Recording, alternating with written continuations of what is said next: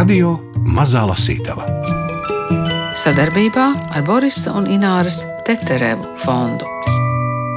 Nu, mēs turpinām to sēriju esmu. Tas ir ar vien interesantāk, kā tur nāk tās grāmatas klāt, un šoreiz nāk Osvalds Zebra romāns par Gunāru Janovski. Gunāru Anatoliju, kā izrādās Janovski. Jā, daudz kas izrādās. Ja?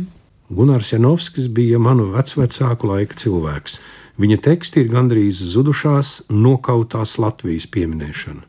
Rakstīta cerībā, ka brīnums notiks, ka viņa atkal elpos. Nozīmīgākais Gunāra Janovska devums ir tāds vēsturisko notikumu atgādinājums, kas nevis vispārina, bet konkrēti un tieši parāda, kā idejas un ideoloģijas, un to apmātie nesēji, samin cilvēku dzīves. Osvalds Zebris. Laiks jautāt Osvaldam Zebrim, romāna Meža kāja autoram, kāda bija tikšanās tekstos ar rakstnieku, dzinieku un mākslinieku Gunāru Janovski, Latviešu prozas un literatūras zinātnes miedarbas projektā es esmu. Tas, ka top arī monogrāfija par Gunāru Janovski, rakstniekam, protams, dod brīvākas rokas ne tikai izvēlēties romāna formu, bet arī epizodes no Gunāra Janovska dzīves un darbiem. Un vienmēr interesants ir jautājums, kā latviešu klasiķi atrod mūsdienu rakstniekus vai otrādi. Nu, man jau nebija īsti izvēles, jo, kā izrādās, es dzīvoju tajā pašā mājā, kur bērnībā apmēram pirms simts gadiem dzīvoja Gunārs Janovskis, mazais Kalnciem ielā. Bet eh, tad, kad man šī izvēle krita, tad es to vēl nezināju. To es uzzināju mazliet vēlāk. Tā sagadījās, ka es lasīju eh, Janovska romānu Nams Sloks ielā viens no viņa pēdējiem tekstiem, tas ir 90. gados jau tapis. Un, uh, man šī grāmata ļoti patika, kā tādam zvērinātam pārdogavietim visu mūžu, uh, jo tur notikumi risinās sloks ielā. Un uh, tad parādījās šī ideja par šo romānu sēriju, un es pieteicos, protams, rakstīt, iejusties Janovskādā, teiksim tā. Meža kāja. Noklauds durvis, un tur jau viņš klibo. Salīcis no niknuma noreibis, pretīgs, Mēs ielienam dziļi ceriņos, un te smaržo tā. Zini, draugs, tā ir smaržojis tikai pārdaugavā maijā. Toreiz zem Alises ielas rasnā ūdens torņa pie Agenskalna priežu smilšu kalna starp Daugavas mārītes un zunda ūdeņiem. Mēs paši esam kā šie ceriņu ziedi iepratim vecajam sakārnim, kurš streipuļo uz mūsu pusi kaut ko bubina un lādes, un šaurās atšķeles piemiedzes blenž visapkārt pēc tiem burlakām. Kamēr vecais knakstās gar izsisto rūti, Helēna parauj mani aiz piedurknes, un mēs šmaucam glābt sadauzīto violnieku. Konrāds tikmēr jau meimuro laukā no abelītes alas, sveiks un vesels, tikai mazliet tāds kā greizs, un tad mēs laižamies bizojam garām kioskam un augstsmaņa pārtikas bodē pāri ielai, tad pa labi gar blūma maizes ceptuvi pie dormaņa aptiekas skolas ielā. Mēs laižam ar tādu švunku, kā ziemā ar kamanām lejā no pamatīgās švarcmuīžas kāpas. Helēna izraujas priekšā, mēs sekojam. Es skatos un redzu, kā viņa attālinās, un mani sagrābi izmisīgi nojauta, ka nekad viņu vairs nenotvēršu. Tas ir, jā, tagad es to tā redzu. Todien bija tikai skrējiens, sirdspūksti spoža saule virs skolas ielas, dūrējis pakrūtē, tad dzeltenīga vārtrūme ar derdzīgu sētnieku, bārdainu, kurš glūnēja uz mums ik reizi, kad bijām viņa tuvumā. Badīgs suns, vilks. Vēlāk nācās pierast pie šādiem skatieniem, ja blakus bija Helēna. Jāizstāsta Džonim, viņš zinās, ko darīt. Helēnas stiprā balss atskan vārtrūmas velvēs. Viņa pabrāžas garām sētniekam, kurš pīpo vārtu ejā un nīgri novelk mums nopakaļ. Kas tad nu? Bizenē tāds bars, kā dromedāri. Neatminos, kā mēs tikām iekšā pie Džoņa. Bija jau mājās, mēs gaidījām, kurš atvēra. Tas ir izzudis, bet kāpēc tieši tas? Kāds manas grāmatas vedējs ir revidējis šo vietu un pieņēmis lēmumu, ka šis būtu strīpojams. Bet varbūt atslēga ir tieši šeit, kāpienā uz otro stāvu pie džoņa. Vai tā var būt, maestro, ka grāmatnieks izravē to, kas viņa prāt man var kaitēt? Kā viņš to nosaka? Vai viņš ir biedrībās, varbūt partijā? Partijā sarauktu pieri, Aizāķējis garās rokas aiz muguras, Džonis soļo mums apkārt. Džonis mēdza atkārtot pa kādam vārdam no paša stāstījuma. Itin kā gūstītu domas driskas, kas allaž nozud vārdos kā tāda zelkša aste melenājos. Viņa gaišo istabu atceros ļoti skaidri. Pie sienas pa labi no manis ir tumšs brūns skapis ar nopaļotiem stūriem, tam blakus melns krēsls ar uzpūtušos, puķainu sēdekļa vēderu, tālāk viņa rakstām galds, loks, bet kreisajā pusē kušete ar palēku segu pāri. Zeltenīgs zaļš sienu krāsojums, ko rotā baltas, liektas līnijas un punkti. Musturs ritmiski atkārtojas. Kad esi slims vai nespēj aizmigt, var skaitīt, cik reižu tas sākas no jauna uz katras sienas. Ābelīte ir sociālists. Tēte saka, drīz viņus visā Eiropā aizliegs. Droši. Musolīni jau slēdzis zociķus Itālijā un tagad apkaro masoņus. Konrāds it kā ir atguvies, bet balss ar vienu aizlūzusi dobja. Sīkie pirkstiņi ņurca un knibina zilo īsbikšu malu. Pagaidām tikai pārbijies, saliecies kā no negaidīta uzbrēciena, kad es iegrims domās. Īstās bailes nāks vēlāk, bet viņš jau tās nesās sevī Tās auga kā tāds brūns burbulis kaut kur kastaņas iekšienē. Kastaņa potencialitāte. Hm. Vai nav jauka alegorija, draugs? Zociķis viņš var būt pat komunists, bet ne masonis. Šī tāds plukata nekad, plukata. Ložās ņem tikai naudīgus un tādus, kam ir teikšana. Džonis no mums ir vispieredzējušākais. Galu galā viņš savos 14 jau braukalē uz deju vakariem Šrajenbušas špricmājā un skatās filmas kroplī. Velns, ko viņš tur īsti skatās? Fašistiem ir spēks, diktators ir lielāks par pašu karali. Es bliežu vaļā improvizāciju par vakar dzirdētu mammas un tēta sarunu. Negribu palikt iepakaļ Džonim un Konrādam. Kurš zina Itālijas karali? Neviens. Musolīni zina visi, un fašisti tagad grib apvienot Eiropu. Musolīni esot pat uzaicinājis savā partijā to vācieti Hitleru. Helēna sēž uz rakstām galda malas, Helēna piemiektām acīm raugās pa logu. Helēna nesaka neviena vārda. Helēna laikam nesaprot, ka mēs griežamies karuselī ap viņu, ka viņa ir griežamā rata centrālā as, ap viņu savērpjas mūsu labās un ne tik labās domas, vai arī saprot to skaidri. Helēna tikai klusē un skatās laukā, garām aizrīb devītais tramvajs, Viņa sapurina kastaņbrūnos matus un turpina vērot trokšņaino ielu. Bet ko jūs teiktu, ja mēs paši dibinātu savu ložiņu? Džonis nostājas starp mums visiem, arī viņš grib būt centrālā asa. Paši savu slepeno biedrību, ar kodeksu, ar zvērestu un karogu, paši savu. Man ir daži draugi, kas kādreiz darbojās siseņos varam darboties pēc viņu šnites. Uzņemsim kādus 10, 20 savējos, sadalīsim atbildību, un tad mēs tam jēpim sakursim tādu pirti, ka mēs jau tagad esam pieci, nocērta Helēna. Un ko tad, ja šis būs aizlicies uz policiju? Kas? Džons nav radis saņemt atteikumu, bet Helēna neatbild. Viņas pirmītējais sparīgums ir kaut kur aizplūdis, uzsūcies. Kādreiz es viņu nositīšu. Vairākas reizes klusi atkārto Konrāds un pie katra vārda uzsit pa galda malu ar rādītāju pirkstu. Apspriede ir ieilgusi. Džoņa istabā velkas garas ēnas, arī mūsu ģīmi stiepjas tām līdzi. Kāds piemin neseno kaupēna notveršanu, tiesu un pakāršanu, un tas nu izskan pavisam spocīgi. Kaut arī nekādi kaupēni nesam, man nāk prātā, ka šodien tomēr ir ievārītas riktīgas ziepes. Pirmītējā sajūsma saplakusi, tuvojas brīdis, kad par piedzīvojumiem mums iesniegs norēķinu. Nu, pirmkārt, jāsaka, ka šī grāmata ir tapusi diezgan ilgi. Tie ir vairāk nekā trīs gadi, trīs ap pusi apmēram.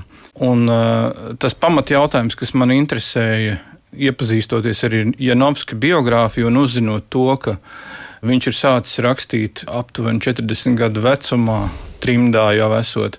Un tad, kā sācis rakstīt šajā 40 aptuveni gadu vecumā, tā līdz savai nāvei rakstījis ļoti, ļoti ražīgi, gandrīz vai pa grāmatai katru gadu. Jo Janovs kopotie raksti ir, ja nemaldos, 18 sējumi kopumā. Tad šo darbu tiešām ir ļoti, ļoti daudz, ir ko lasīt. Un es gribēju saprast to, kas tad ir noticis ar cilvēku, ka viņš kādu ilgu laiku, acīm redzot, ir sevī šo potenciālu rakstnieka glabājis, vai aizturējis, vai neatraisījis. Un tad kaut kādā brīdī kaut kas, acīm redzot, ir noticis, un viņš ir sācis ļoti jaudīgi rakstīt. Lūk, tas bija viens, kas man ļoti interesēja. Un otrs, kas man interesēja, ko tad viņš ar šiem daudzajiem tekstiem, pamatā romāniem, bet arī stāstiem, ko viņš ir gribējis pateikt. Jo es tomēr pieturos pie tā viedokļa, ka rakstnieks, autors eh, apzināti vai neapzināti savā grāmatās eh, saka kaut kādas dažas lietas, tā, tās nav tūkstošiem dažādas idejas, ko viens autors apcer savā radošā mūža laikā. Manuprāt, tās ir dažas. Lūk, man bija interesanti eh, šīs dažas atšifrēt vai saprast. Vai to pagriezienu punktu tev izdevās atšifrēt, kas notika tajā brīdī? Kad Gunārs Janovskis sāk rakstīt? Es domāju, ka tas gal galā nebija viens kaut kāds tāds moments. Tas tomēr bija briedis ilgāku laiku, jo mēs no Gunāra paša atmiņām varam uzzināt un arī vēstulēm ka viņš jau tādos pusauģu gados ir domājis par rakstnieku gaitām, un viņu ļoti fascinējusi literatūra un interesējusi, bet viņš ļoti ilgi nav uzdrošinājies, teiksim tā.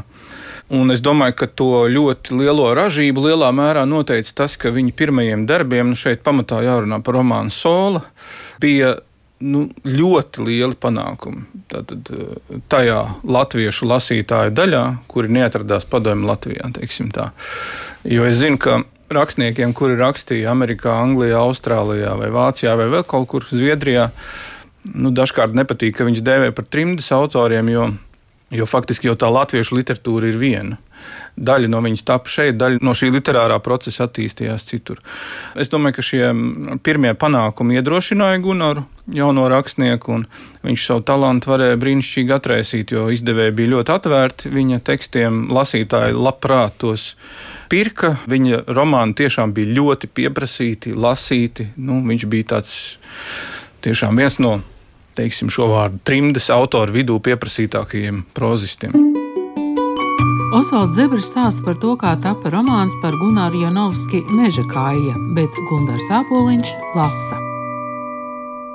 Un tagad pašas organizācijas nosaukums. Nosaukums no ilgās klaigāšanas pietvīcis noskalda Džonis. Kādi būs priekšlikumi?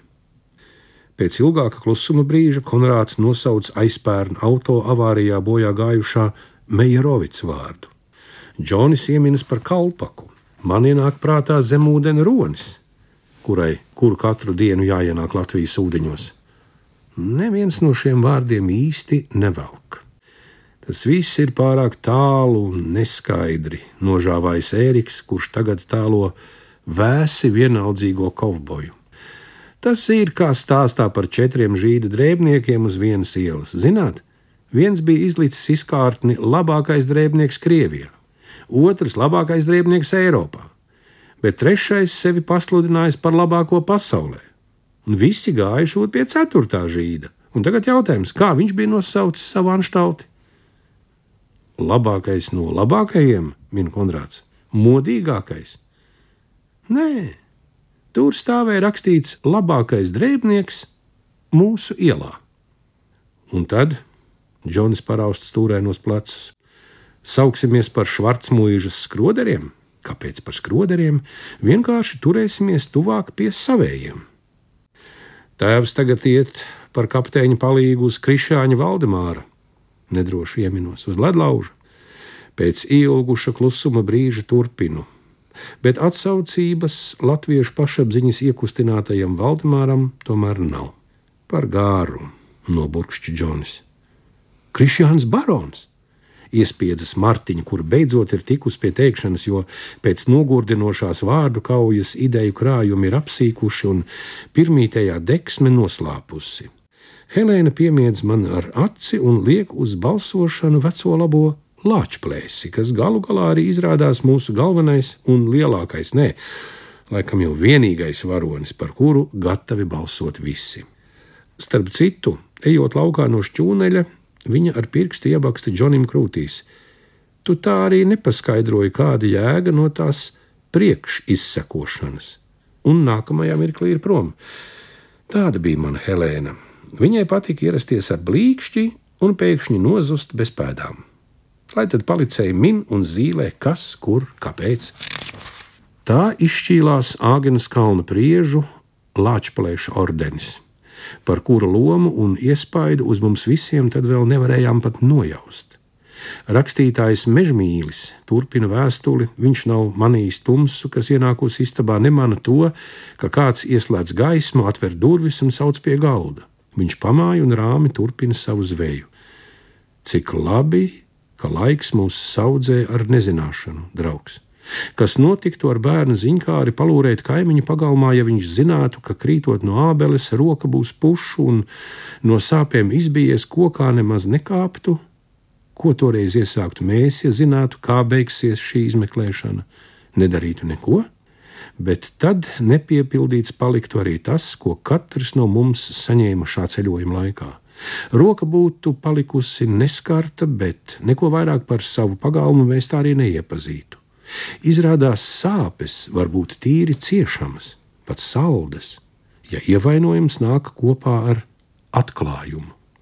Piedod, atvaino par manām atklāsmēm, kas nāk reizē ar rakņāšanos tajā laikā, kad, un te ir daudz punkts, teksts apraujas. Jūs neesat tikušies.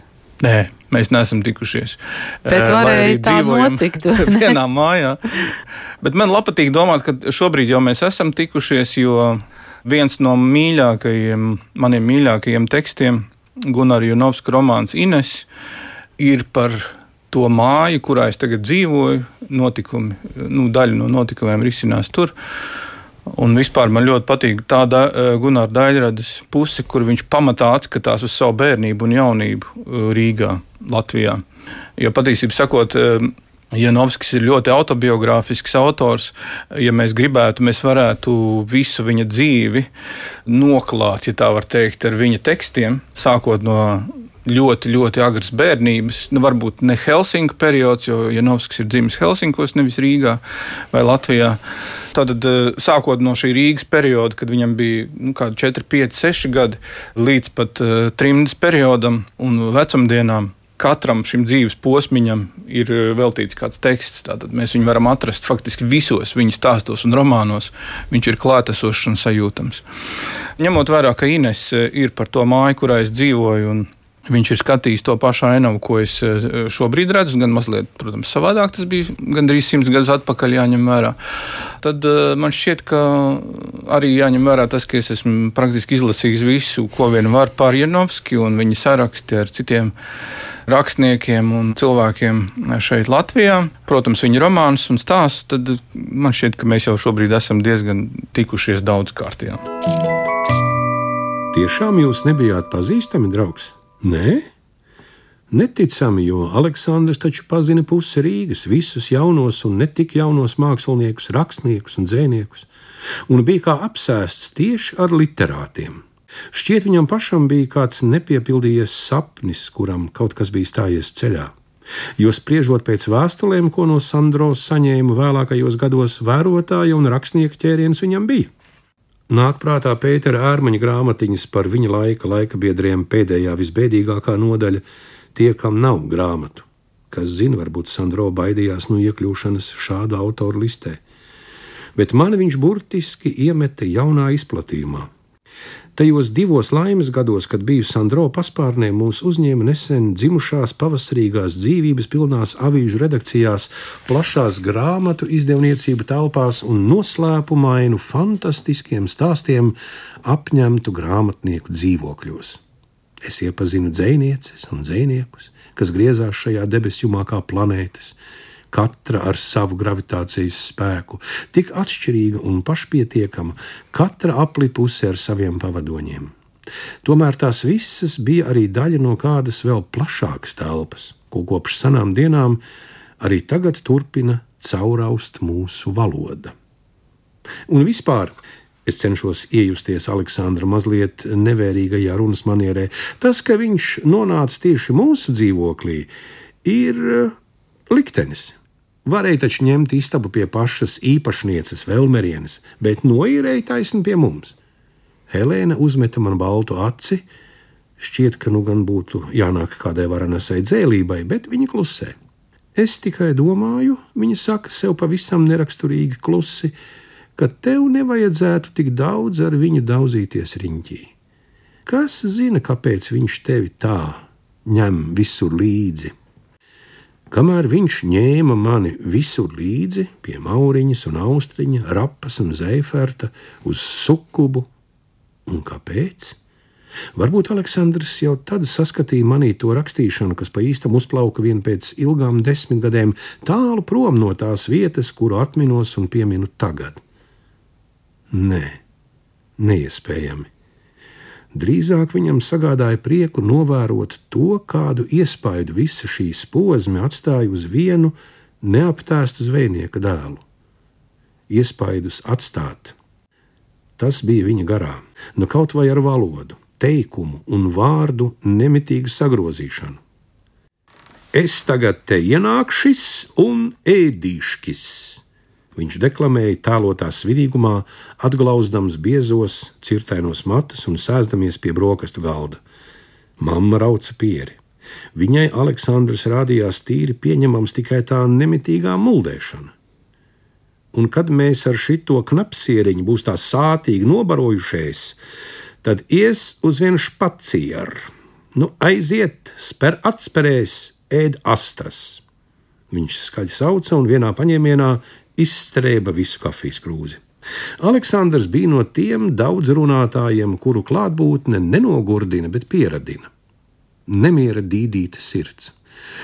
Drīz vien pie viņa sāku iegriezties biežāk, un manī kā pārvēršas sānu istaba.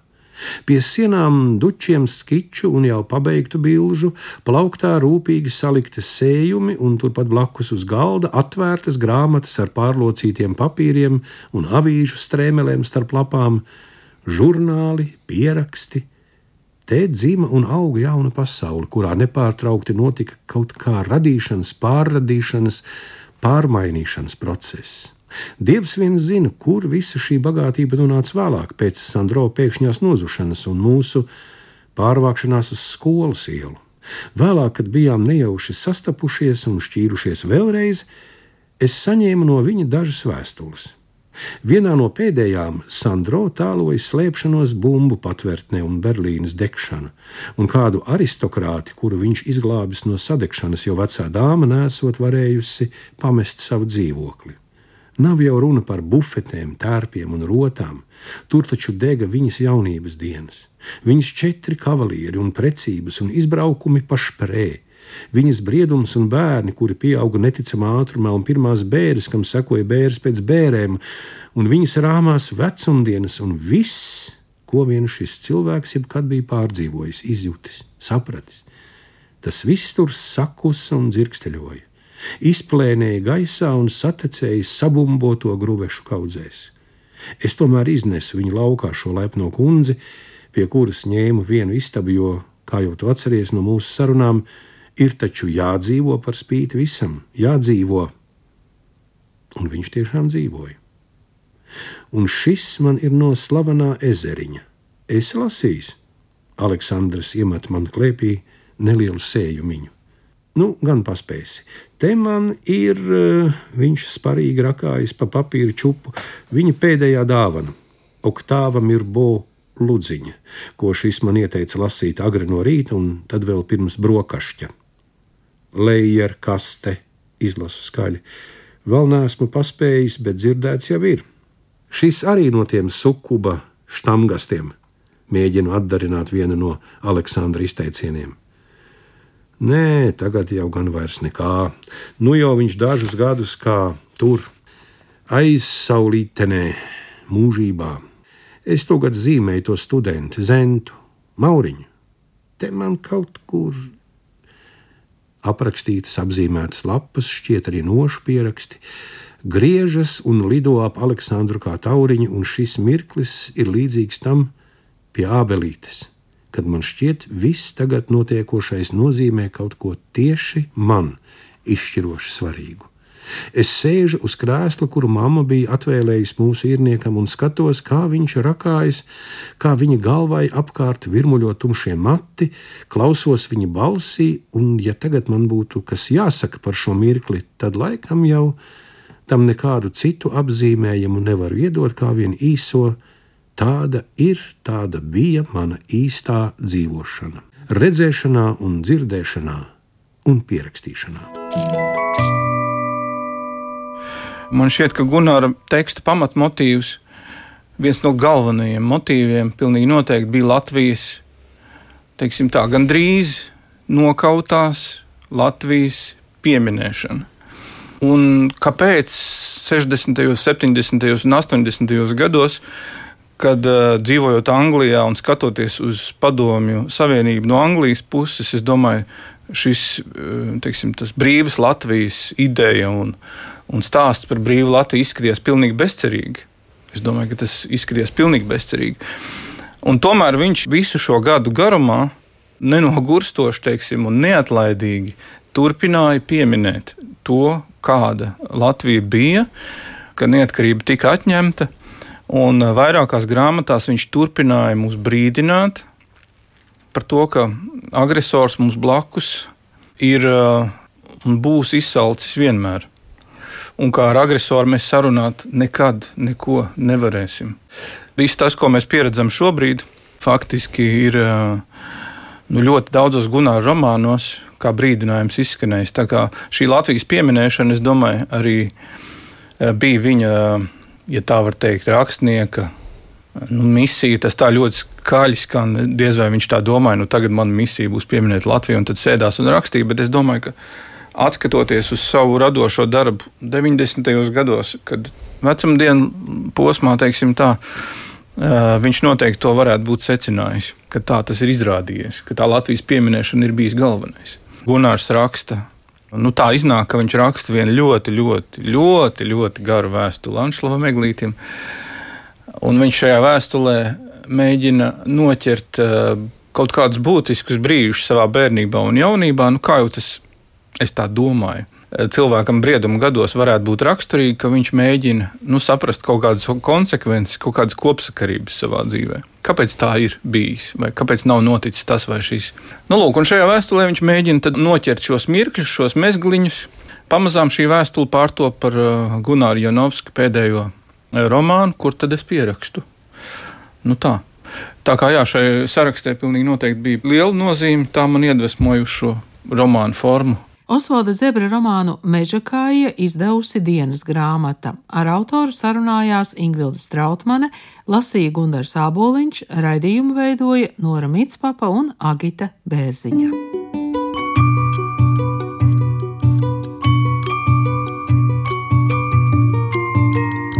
Radio Mazā Lasītava sadarbībā ar Borisa un Ināras Teterevu fondu.